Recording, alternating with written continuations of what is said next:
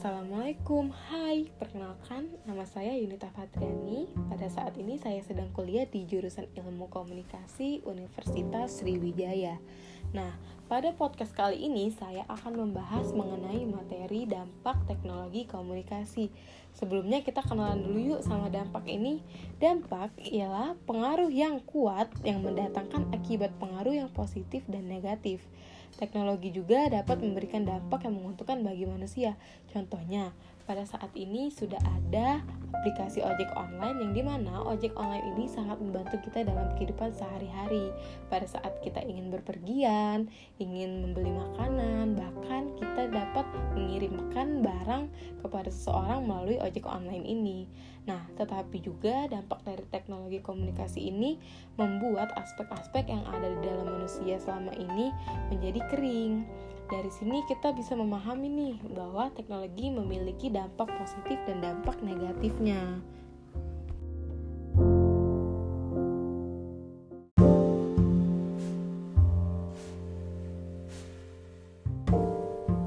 Baik, di sini saya akan menjelaskan dampak positif dari teknologi komunikasi. Nah, di sini dampak positif dari teknologi komunikasi ini terbagi menjadi dua. Satu, ada teknologi saraf nilai, yang di mana di dalam hal ini teknologi juga dapat bebas dengan nilai-nilai yang berlaku dan yang di mana dapat mengganggu dan mempengaruhi kemampuan manusia yang berpengaruh.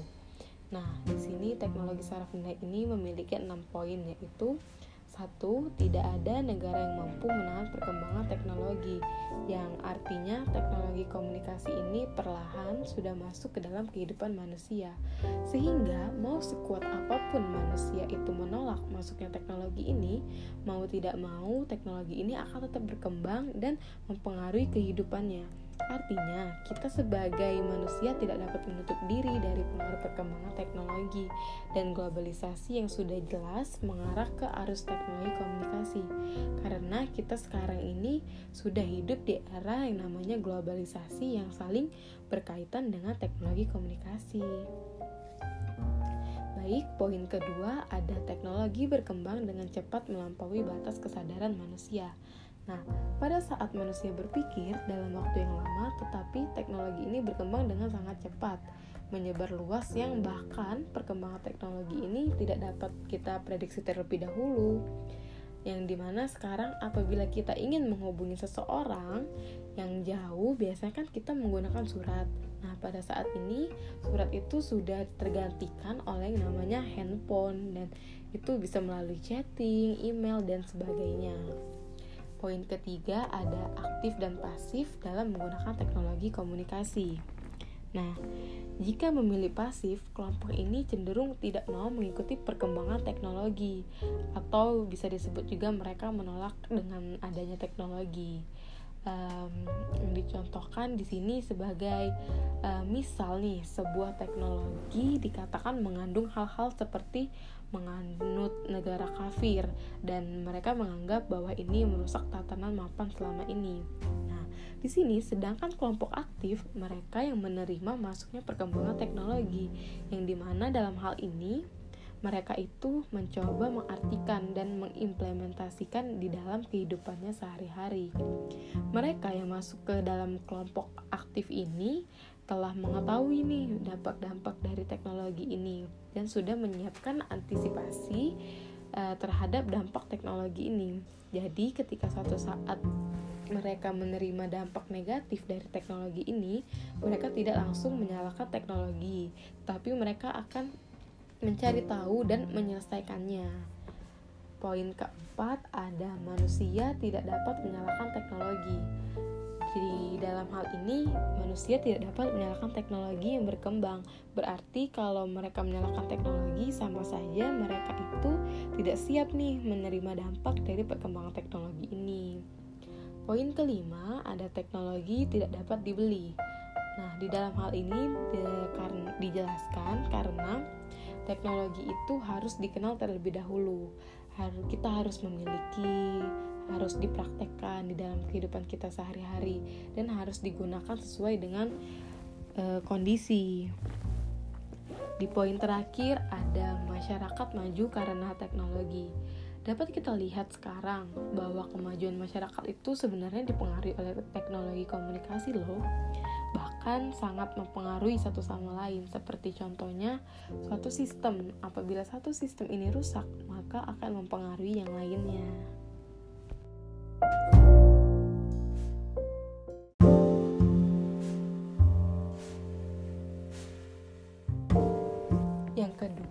Ada tipologi dampak atau juga yang disebut dengan tipologi impact. Nah, di dalam hal ini dampak perubahan bisa terjadi pada individu ataupun sistem sosial. Macam-macam tipologi dampak perkembangan teknologi komunikasi dapat dijelaskan sebagai berikut. Satu, adanya desirable impact yaitu dampak ini mengarahkan pada tidak berfungsinya sebuah inovasi oleh individu ataupun sistem. Yang kedua, ada undesirable impact, yaitu dampak ini mengarah pada tidak berfungsinya inovasi oleh masyarakat atau sistem sosial.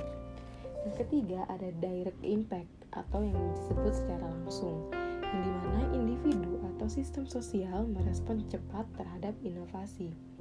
Keempat, ada indirect impact, yaitu terjadinya perubahan pada individu atau sistem sosial setelah terjadinya dampak langsung. Kelima, ada anticipate impact, yaitu perubahan yang terjadi dapat diantisipasi. Antisipasi karena inovasi telah diketahui dan dikenal oleh anggota sistem sosial. Yang terakhir ada unanticipated impact yang menjelaskan bahwa perubahan yang tidak dapat diantisipasi karena inovasi telah diketahui dan dikenal oleh anggota sistem sosial.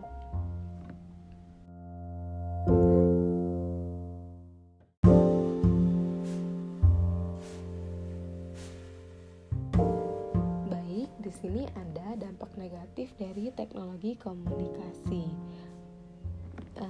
Satu, terjadinya monopoli dalam pengelolaan, penyediaan, dan pemanfaatan informasi. Nah, teknologi komunikasi sudah sangat mempengaruhi struktur dasar dan pengambilan keputusan di dalam kalangan masyarakat. Akibatnya, sebuah informasi akan dapat dipilih siapa yang bisa menerima dan siapa yang tidak dapat menerima. Intinya, kalau kita tidak memiliki modal yang besar, kita tidak dapat menguasai dan memiliki teknologi tersebut. Kedua, tidak meratanya distribusi informasi. Nah, monopoli informasi dapat menyebabkan tidak meratanya distribusi informasi tersebut. Distribusi informasi hanya dapat mengalir pada mereka yang memiliki modal besar untuk membeli teknologi. Ketiga, ada kurangnya isi pesan yang bersifat edukatif. Kebanyakan informasi di dalam hal ini dibuat hanya untuk membuat masyarakat senang atau e, hanya sekedar menaikkan rating untuk media tersebut. Jadi perihal nilai edukatif itu ada atau tidak itu biasanya dikesampingkan oleh sebuah media. Keempat, adanya terjadinya polusi informasi. Nah, Polusi informasi ini cenderung timbul bila kompetisi ketat dalam memperebutkan perhatian halayak atau masyarakat dan tidak adanya mekanisme pengendalian yang efektif untuk mencegahnya. Jadi polusi informasi ini terjadi pada saat tidak ada mekanisme yang mengatur proses dari penyebaran informasi tersebut. Kelima, di sini ada terjadinya inovasi terhadap privacy. Nah, sesuatu yang bersifat privacy akan cepat berubah menjadi konsumsi publik atau konsumsi masyarakat. Keenam, timbulnya permasalahan yang berkaitan dengan hak cipta. Masalah lain yang berkaitan dengan perkembangan teknologi komunikasi ialah mengenai hak cipta. Misalnya, ada sebuah foto milik seseorang yang tersebar.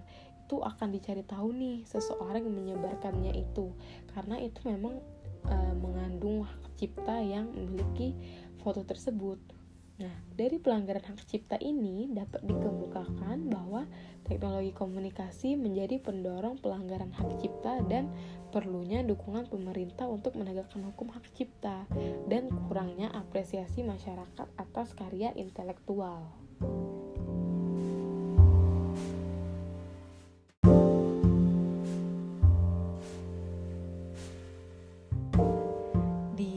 penjelasan kali ini di sini terdapat juga berbagai macam dampak dari teknologi komunikasi ini sendiri, yaitu satu dampak sosial. Yang memiliki poin teknologi mengatasi ruang dan waktu. Nah, pada saat dahulu sebelum teknologi modern ditemukan, kita kalau ingin berbicara harus bertemu fisik terlebih dahulu atau face to face. Nah, maka dari itu teknologi komunikasi ini dapat dikatakan uh, bahwa ia ini mengatasi ruang dan waktu. Poin kedua ada manusia mulai akrab dengan benda. Nah, ketika manusia berkumpul, mereka terkadang terlalu fokus pada gadgetnya masing-masing. Hal inilah yang dapat dikatakan manusia itu mulai akrab dengan benda.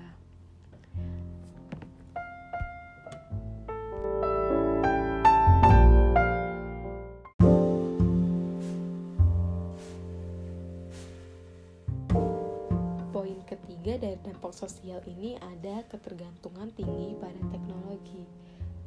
Di dalam hal ini manusia ini sudah jarang sekali sangat menggantungkan dirinya terhadap manusia lain karena manusia mulai menggantungkan kehidupannya kepada teknologi.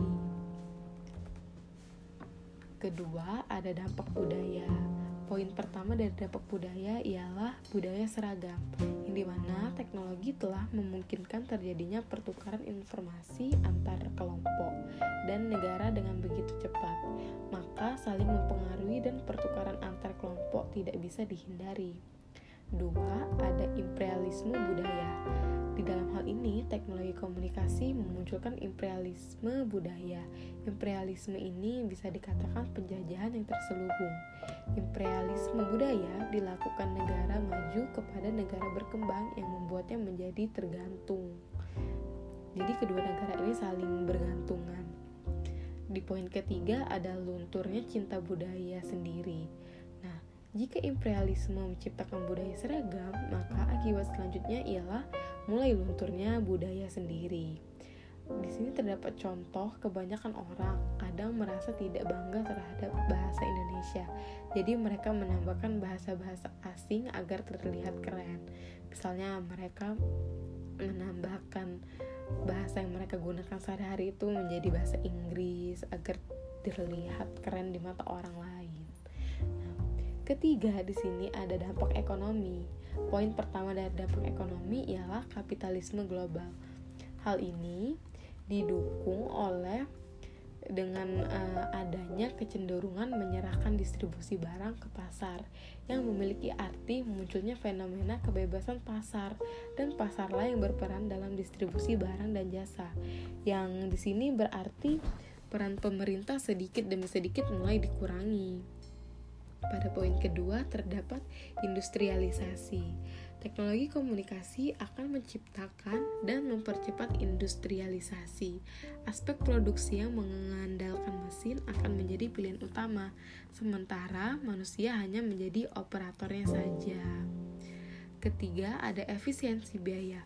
Untuk mengembangkan teknologi membutuhkan biaya yang tidak sedikit, sehingga membuat persaingan di dunia kerja semakin ketat di sini ada dampak yang terakhir yaitu dampak politik.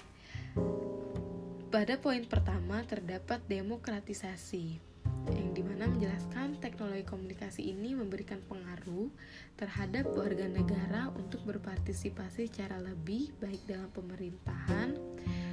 Nah, demokratisasi yang diakibatkan oleh teknologi komunikasi telah membuka mata banyak pihak di negara yang berkembang. Poin kedua terdapat penjajahan politik, yang di mana sebuah negara yang mengadopsi sistem politik negara lain dapat dikatakan terjajah secara politiknya. Dan penjajahan ini bisa dikatakan adanya ketergantungan dalam sistem politik antar negara. Poin ketiga terdapat transparasi politik. Politik yang sebelumnya tertutup lama-kelamaan akan terbuka karena tuntunan masyarakat. Poin yang terakhir ada antisipasi dampak. Antisipasi dampak dapat dilakukan dengan tiga cara, yaitu satu literasi teknologi, dua peran pemerintah, dan ketiga ada kesadaran masyarakat.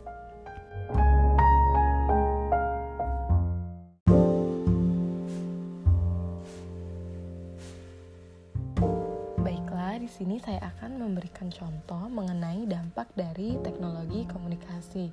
Nah, seperti yang kita ketahui, pada saat ini teknologi ini semakin pesat perkembangannya. Nah, pada hal ini saya mengambil contoh di dalam bidang penjualanan, yang di mana dapat kita lihat eh, orang-orang kebanyakan sekarang berjualan di Instagram, Facebook, dan e-commerce e-commerce lainnya. Nah, di sini saya mengambil contoh uh, ketika seseorang ini uh, dapat dikatakan gaptek dalam teknologi ini, nah mereka sulit untuk mengembangkan penjualannya dikarenakan mereka tadi kurang paham mengenai teknologi ini. Sehingga kebanyakan pada saat ini orang-orang yang berjualan melalui online melalui Instagram, Facebook dan lainnya itu mereka biasanya lebih e, berkembang penjualannya dibanding dengan orang yang tidak menjualan barangnya itu di online. Nah,